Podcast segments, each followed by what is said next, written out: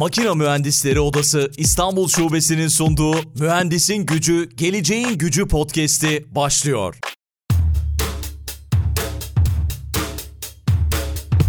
Mühendisin Gücü, Geleceğin Gücü podcast'inden herkese merhaba. Yeni bölümle karşınızdayız. Bu bölümde Amerika Birleşik Devletleri'ne gideceğiz. Doruk Tanyel konuğumuz oluyor. Kendisi Chevron'da sondaj operasyonları gerçek zamanlı gözlemleme merkezinde koordinatör olarak çalışıyor. Şu anda Houston'da ona kocaman bir merhaba demek istiyorum. Doruk Bey selamlar, hoş geldiniz. Merhabalar Aykut Bey, hoş bulduk. Çok teşekkürler davetiniz için. Rica ediyoruz. Farklı bir konuyu işleyeceğiz. Daha önce işlemediğimiz bir konu. Petrol, doğalgaz, böyle enerji kaynakları. Sizin uzmanlık alanınız tabii ki daha çok sondaj ve tabii ki şu anda sondaj operasyonları konusunda yaptığınız çalışmalar. Ama öncesinde biraz sizi tanıyalım. Neler yaptınız bugüne kadar? Hem Türkiye'de hem yurt dışında. Sizi tanıyarak başlayalım sonra da konumuza gireriz diye düşünüyorum. Herkese merhabalar. Eşim ve en büyük destekçim Eda ve ele avuca sığmayan kızımız Defne ile beraber Houston'da yaşıyoruz. Ankara doğumluyum. 2001 yılında ODTÜ'den mezun olduktan sonra iş hayatına özel bir şirkette petrol mühendisi olarak başladım. 2003 senesinde Türkiye Petrollerinin bursunu kazanarak yüksek lisans eğitimi için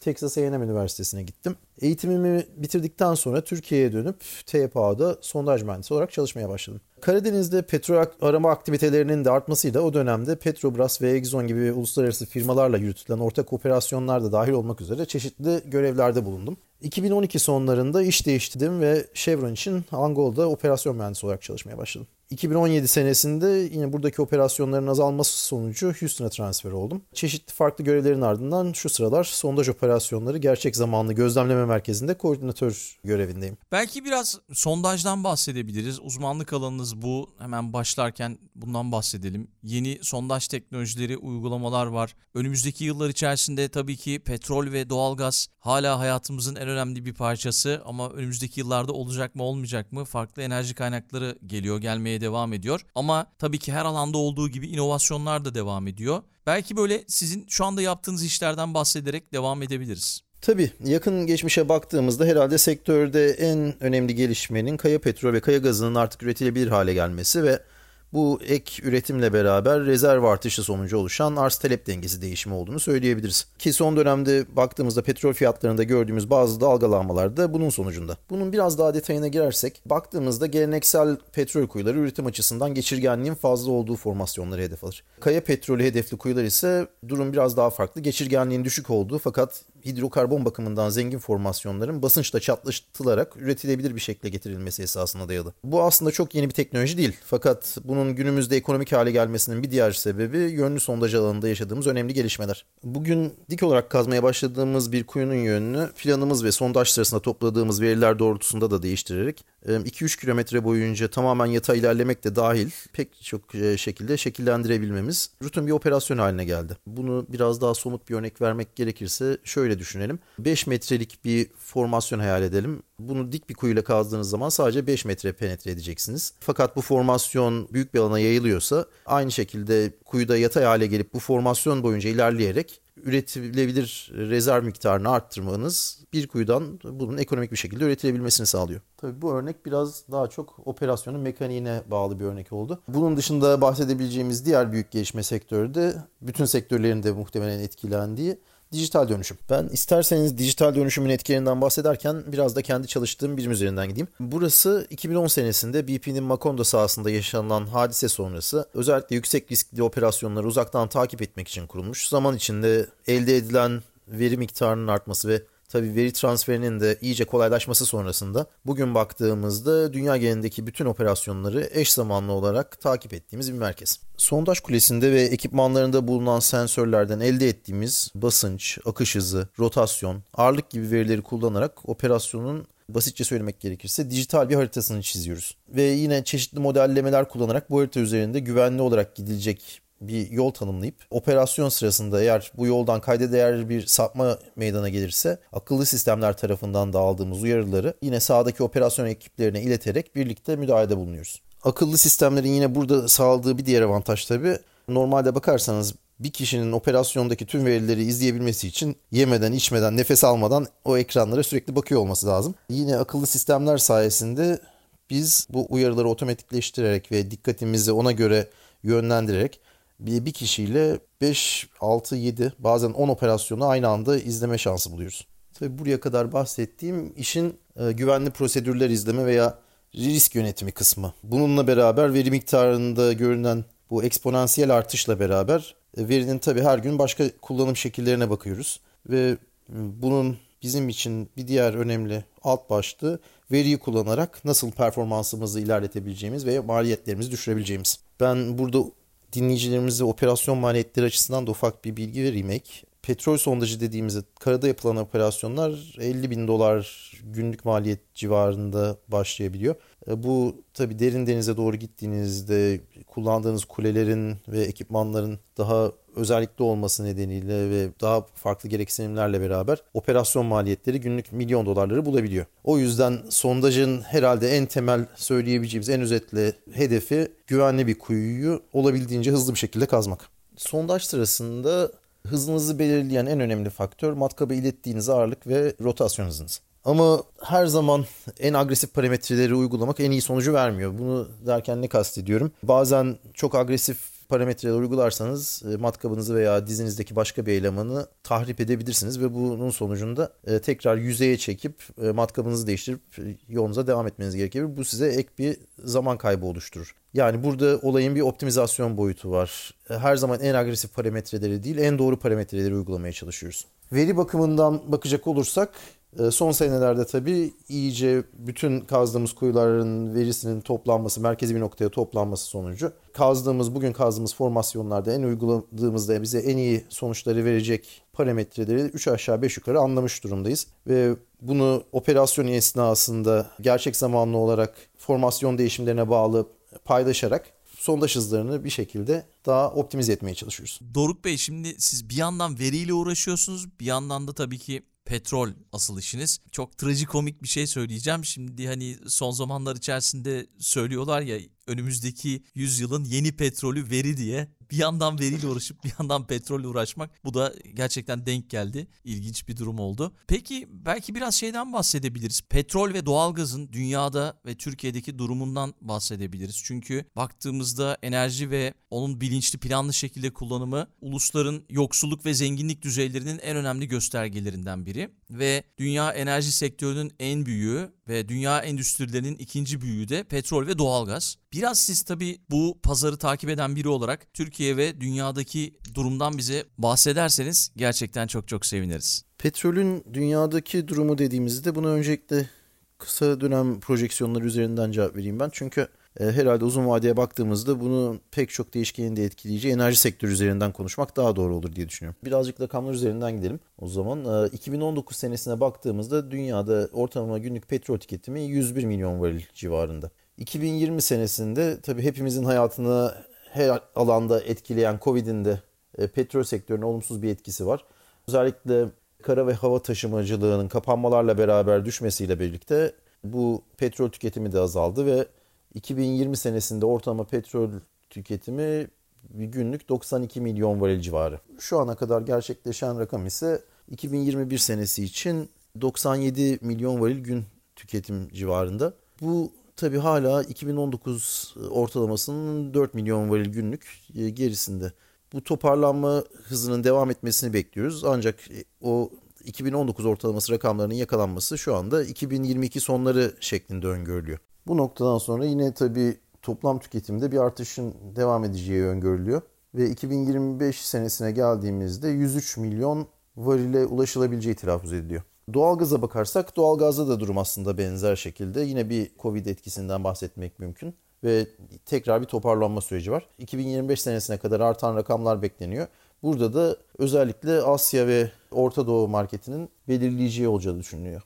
Evet, dünya genelinde durum böyle. Ee, biraz tabii Türkiye üzerinden konuşacak olursak, Türkiye ürettiğinden daha fazla enerji tüketiyor. Bu açık dış kaynaklardan e, sağlanıyor tabii ve bunun da ülke ekonomisine ciddi bir maliyeti var. Bu yüzden enerji alanına baktığımızda Türkiye açısından uzun vadeli stratejiler ve yatırımlar bir ihtiyaç. Petrol aramacılığını bakarsak Türkiye petrolleri burada ülkede lokomotif görevi görüyor. Burada son zamanlarda popüler olan bir konuya da değinelim Sakarya gaz sahası keşfi. Tabii petrol aramacılığı bir süreç. E, benim çalıştığım dönemde 2010 senesi öncesinde de Karadeniz'de oldukça yoğun arama faaliyetleri vardı. Ve e, bunların devam etmesi neticesinde bugün bu tarz bir keşif haberini almaktan gerçekten gurur duyuyoruz.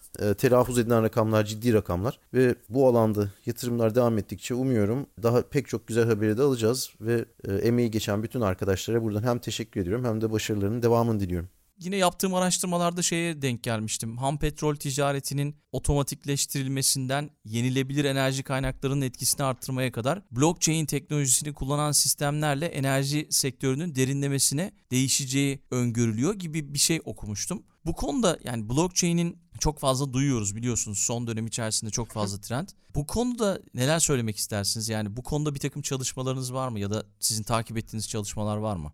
Evet bu soru zor yerden geldi Aykut Bey. Şimdi uzmanlık alanım dışında ama yine birazcık takip ettiğim kadarıyla bahsedeyim blockchain teknolojisinden. En basit tanımıyla tabii blockchain merkezi olmayan dijital bir kayıt tutma metodu.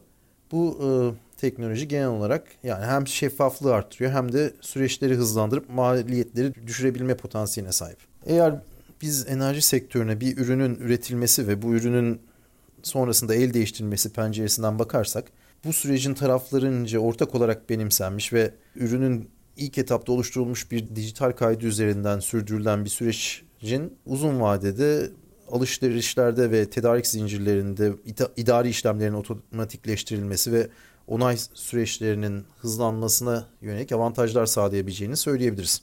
Burada ne demek istediğimi biraz e, açarsam, hani örneklendirmeye çalışayım.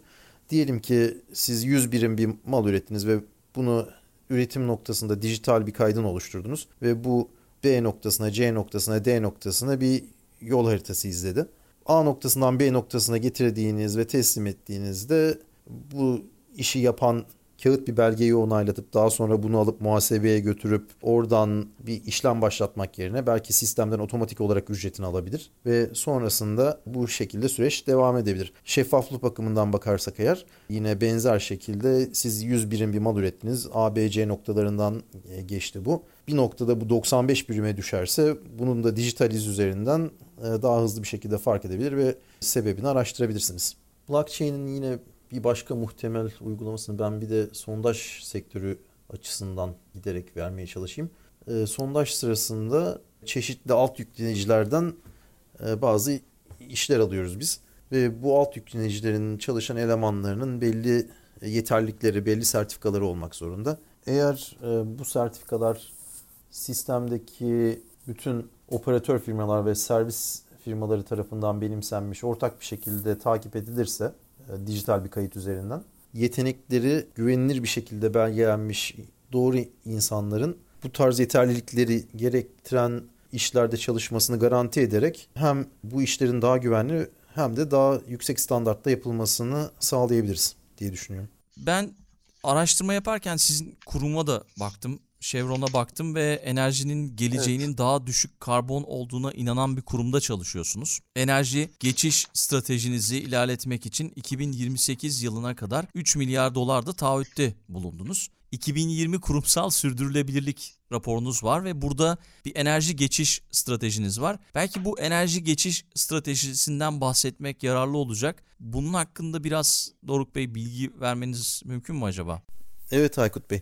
Aslına bakarsanız e, Chevron enerjinin geleceğinin daha düşük karbon olduğuna inanıyor diyerek gerçekten çok güzel özetlediniz burada. Az önce de belirtmiştik dünyada sera gazlarını azaltmaya yönelik genel bir efor var. Enerji sektörü açısından eğer bakarsak tabii en odakta olan sera gazı karbondioksit ve karbondioksitin azaltılması konusunda şirketlerin ve ülkelerin yaklaşımı aslında benzer başlıkları ayrılabilir. E, bunlar birincisi yeni oluşacak emisyonların azaltılması. İkincisi mevcut karbondioksit miktarını düşürmek. Üçüncüsü yeni teknolojiler üretmek. E, Chevron'un da bu üç alanın hepsinde ciddi bir bütçe ayırarak e, atmaya çalıştığı önemli adımlar var. İsterseniz ben burada hepsine kısa kısa değinerek geçeyim. Öncelikle yeni oluşacak emisyonların azaltılmasına yönelik çabaya bakarsak Chevron şu anda mevcut operasyonlarından kaynaklanan karbon emisyonunu hem ölçüyor hem rapor ediyor hem de 2028 senesine yönelik birim varil üretimine karşılık düşen karbon dioksit salınımı miktarına bakarsanız bu konuda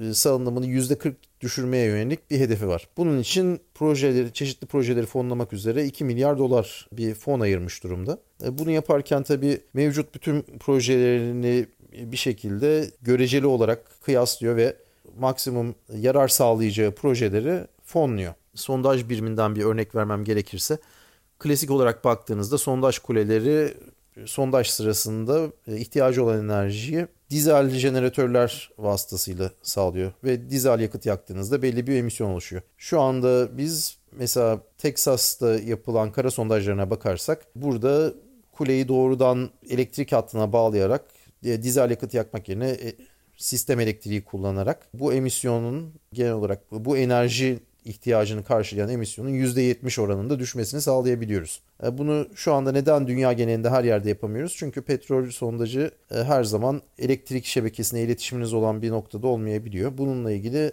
e, alternatif olarak yine gazla enerji sağlaması gibi projelerde de bakılıyor. Bunun dışında yine burada bahsedebileceğimiz belki bir diğer şeyse biraz stratejik kısmı olayın. Mevcut portföyüne baktığımızda ve yeni e, portföyüne eklemek istediği sahalara baktığımızda e, Chevron stratejisinde, iş planlamasında ve yine risk yönetiminde artık emisyonlar konusunu da tartışarak bu kararları veriyor. Eğer ikinci başlığa bakacak olursak bu e, mevcut karbondioksit miktarını düşürmeye yönelik projeler. Ki bunun genel olarak adlandırımı karbon yakalama ve kullanma ve depolama projeleri Türkçe'ye çevirmeye çalışırsam. Bu projelerden bazıları şu anda teknolojik olarak mümkün ancak ekonomik değil.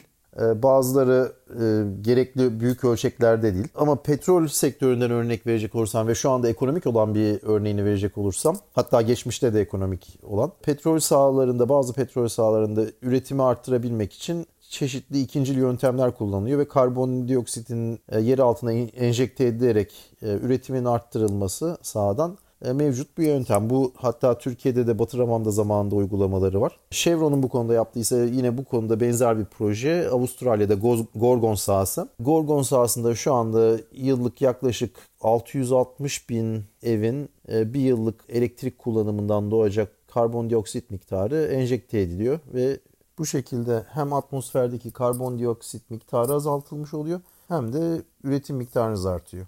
Son olarak yeni teknoloji üretme konusuna bakarsak yine bu alanda da geçtiğimiz ay içerisinde Chevron e, yeni enerjiler ismi altında yeni bir birim kurdu. Bu birimin e, öncelikli amacı düşük karbonlu yeni teknolojiler üretmek ve yeni iş hatları geliştirmek. Ve bunun yanında Chevron yine düşük karbon hedefi doğrultusunda ümit vadeden pek çok farklı şirkete de yatırımcı olarak destek oluyor. Peki biraz gelecekten bahsetsek, gelecek öngörülerinden bahsetsek, önümüzdeki yıllarda dünya enerji sektöründe beklenen gelişmeler neler? Belki biraz bunlardan bahsedebilirsiniz. Gerçi girişte biraz bahsettiniz ama böyle daha ayrıntılı girebiliriz belki. Evet, hepimizin gözlemlediği kadarıyla gerçekten de enerji sektörü şu anda büyük bir değişimin içerisinde. Bu değişim kestirilmesi gerçekten zor pek çok değişkene bağlı ve bunun ne kadar hızlı tamamlanacağı ve neyle sonuçlanacağına dair birbirinden farklı hatta bazen birbirine taban tabana zıt görüşler var. Ben o yüzden burada çok fazla rakamlara girmeden biraz belirleyici olacak bazı genel noktalara değinerek gideyim. Burada birinci faktör genel olarak nüfusun artmaya devam edeceğini ve insanların da hayat standartlarının daha iyileşmesi yönünde bir beklentisi olduğunu düşünürsek enerji ihtiyacının da uzun vadede artacağı tahmin ediliyor. Ancak bu süreçte etkisi olacak ikinci bir önemli faktör ise Paris Anlaşması ile artık netleştirilmiş küresel ısınmanın önüne geçmek için sera gazlarının salınımını azaltmaya yönelik uluslararası büyük bir girişim mevcut. Bu da enerji tüketimi bakımından baktığımızda daha düşük karbon salınımlı kaynaklar için bir avantaj. Burada enerji çeşitlerini 3 ana başlığa bölelim. Nükleer, yenilenebilir ve fosil yakıtlar. Bahsettiğim senaryolarda genellikle nükleer enerjinin pazar payı çok fazla değişmeden ve relatif olarak diğerlerine göre relatif olarak daha düşük bir şekilde devam ediyor. Fosil yakıtları da yine kendi arasında biz üçe bölecek olursak kömür, doğalgaz ve e, petrol olarak bunlar arasında ürettiği birim enerjiye karşılık en fazla karbon emisyonu yapan kömür. O yüzden yine bu bahsettiğim senaryolar içerisinde genel olarak bakış açısı kömürün zaman içerisinde pazar payının gittikçe azalacağı yönünde. Doğalgaz burada petrole kıyasla yine daha temiz ve daha az karbon salınımı olan bir enerji çeşidi. E, o yüzden relatif olarak doğalgazın payında bir artış öngörülüyor. Petrol tabii petrolün tek kullanım alanı enerji değil. Petrolün baktığımızda petrokimya alanında da kullanımı var. Genel olarak enerji üretimine katkısı petrolün relatif olarak daha düşük bir seviyeye gelse bile buradaki düşüşün üretime ne derecede yansıyacağı yine tartışma konusu.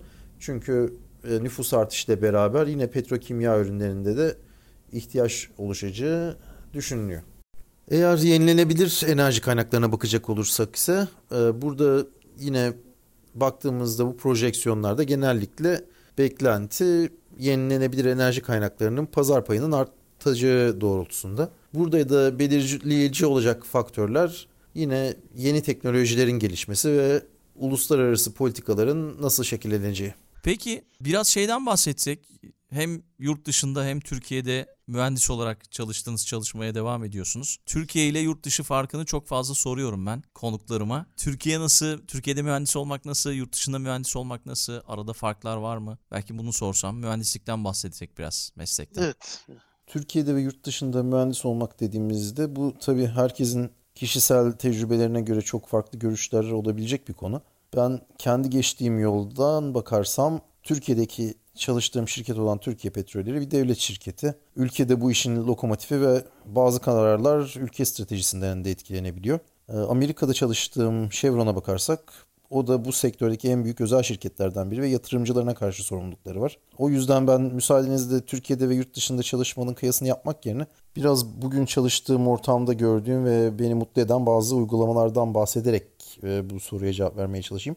Öncelikle Chevron çalışanlarını en önemli kaynağı olarak görüyor ve özellikle inovasyonu beslemek için kapsayıcı ve katılımcı bir genel yaklaşım var. Ekiplerinde mesela çalışanların fikirlerini rahatça paylaşacakları bir ortam yaratmak liderlerin en önemli görevlerinden ve bunu bir şirket kültürü haline getirebilmek adına sürekli bir eğitim ve diyalog mevcut. Eğer bir örnek vermeye çalışırsak mesela diyelim ki bir ekip toplantısı yapıyorsunuz ve bir konu gündeme geldi konuyu gündeme getiren kişi e, ekibin yöneticisine bir soru sorduğu zaman çoğunlukla alacağı cevap e, sen bu konuda ne düşünüyorsun veya senin önerin nedir şeklinde olacaktır. Aynı şekilde bu konu tartışmaya devam ettikçe eğer o grupta kendi fikrini beyan etmeyen birilerinin olması durumunda yöneticinin üzerine düşen bir diğer görev sen bu konuda ne düşünüyorsun? Peki senin fikrin nedir şeklinde e, konuşmayanları da teşvik etmek yönünde olacaktır. Yine şirket kültürünün bir diğer büyük parçası geri bildirim. E, bu da iki yönlü. Birincisi yöneticilerin tabii çalışanlara geri bildirimleri. Bu bir yönlendirme şeklinde bir koçluk veya bir rehberlik olarak görebiliriz. Ama aynı şekilde yine çalışanların da düzenli olarak yöneticilere verdikleri bir geri bildirim var. Burada da yöneticilerin üzerine düşen sorumluluk bu geri bildirim doğrultusunda çalışanların önlerindeki engelleri aşmalarına yardımcı olabilmek. Diğer bir bahsedebileceğim konu daha iyi kararlar verebilmek için öz yansıtma yapmanızı teşvik etmek diyebiliriz. Burada ne demek istiyorum? Ee, beyinlerimizin kalıtımsal olarak bazı kararları otomatik şekilde verme yönünde bir eğilimi var. Ve bunu yaparken farkında olmadığımız eğilimlerimiz kararlarımıza yön verebiliyor. Ve bunun da verdiğimiz kararlara bazı negatif etkileri olabiliyor. Pratik olarak şöyle bir örnek verebiliriz mesela diyelim ki ekibinize bir iş geldi ve bunu yapabilecek iki tane çalışanınız var elinizde. Birisinin bunu çok hızlı yapabileceğini biliyorsunuz. Diğeri içinse biraz daha uzun bir süre alacağını biliyorsunuz diye farz edersek hepimiz tabii ki işlerin olabildiğince çabuk hallolmasını istiyoruz. Ama bu işi her seferinde biz çabuk yapanına verirsek diğer kişinin kendisini geliştirmesine fırsat vermemiş olursunuz ve bu uzun vadede ekibinizin performansını negatif yönde etkileyebilir. Kapsayıcı yaklaşım bakımından biraz ekip çerçevesinden baktığımızda verebileceğim bazı örnekler bunlar. Tabi bunun yanında daha büyük ölçekte ve daha uzun vadeli örnekler de vermek mümkün. Bu belki biraz Amerika'nın yapısından biraz da hani çok uluslu bir şirket olmanın etkisiyle olabilir. İnsanlarda cinsiyet, millet, yaş grubu, cinsel tercih gibi boyutlardan baktığımızda büyük bir çeşitlilik var. Bizim şirket üzerinde bakarsak yine şirket içerisinde bu çeşitlilik temelinde çalışanların oluşturduğu çeşitli topluluklar mevcut. Bu topluluklar yine kendileri çeşitli etkinliklerde kültür ve görüşlerini tanıtıyor. Ee, yine özgün yönlerini yaşamaları teşvik ediliyor. Genel olarak bir toparlamaya çalışırsak bu şekilde kısa ve uzun vadeli kapsayıcı yaklaşımlarla aynı zamanda çalışanların kadın, erkek, Asya, Afrika veya Latin kökenli olmasından bağımsız herkes için fırsat eşitliği olan bir zemin oluşturulmaya çalışıyor ki bu yaklaşımları görmek beni kendi kızımın da geleceği açısından oldukça umutlandırıyor. Anladım. Peki e, biraz da makine mühendisleri İstanbul Şubesi ve genel itibariyle odaların sektöre katkısı hakkında neler düşünüyorsunuz? Sizin orada bağlı bulunduğunuz bir oda var mı? Amerika Birleşik Devletleri'nde Houston'da nasıl ilerliyor mühendislerin birbiriyle olan toplulukların birbiriyle olan ilişkisi? Bu konuda neler söylersiniz? Evet Aykut Bey çok güzel zamanlı bir soru oldu bu. Ee, aslına bakarsanız e, az önce bahsettiğim çalışan gruplarının oluşturduğu toplulukların faydası yine odalar açısından baktığımızda çok benzer bir durum. Odalar yaptıkları eğitim ve aktiviteleriyle yine fikir paylaşımını ve fikir çeşitliliğini destekleyen bir zemin oluşturuyorlar. Ve bu da meslek gruplarının gelişimini önemli bir ölçüde destekliyor diye düşünüyorum. E, ayrıca hazır burada fırsat bulmuşken nazik davet için Makine Mühendisleri Odası İstanbul Şubesi'ne de tekrar çok teşekkür ediyorum. Son olarak Aykut Bey bu güzel yayını yönettiğiniz için size de çok teşekkür ediyorum. Vakitlerinden ayırarak bizi dinleyen dinleyicilerimize de ayrıca teşekkürler ve çok selamlar. E, pek çok konuya değindik. Eğer bunlarla ilgili fikir paylaşımında bulunmak isteyen olursa tabii ki her zaman bana LinkedIn'den mesaj atarak ulaşabilirler. Her zaman hızlı dönüş yapamasam da elimden geldiğince ben aldığım mesajları cevaplandırmaya çalışıyorum. Çok teşekkür ediyoruz. Makine Mühendisleri Odası İstanbul Şubesi olarak sektörle ilgili önemli bilgiler aldık sizden. Yurt dışında mühendis olmak da kolay bir şey değil. Başarılarınızdan dolayı da tebrik ediyorum size. Çok teşekkür ederim Aykut Bey. Ben de davetiniz için tekrar teşekkür ediyorum. Doruk Bey son sözü size bırakıyorum. Mühendisin gücü, geleceğin gücü.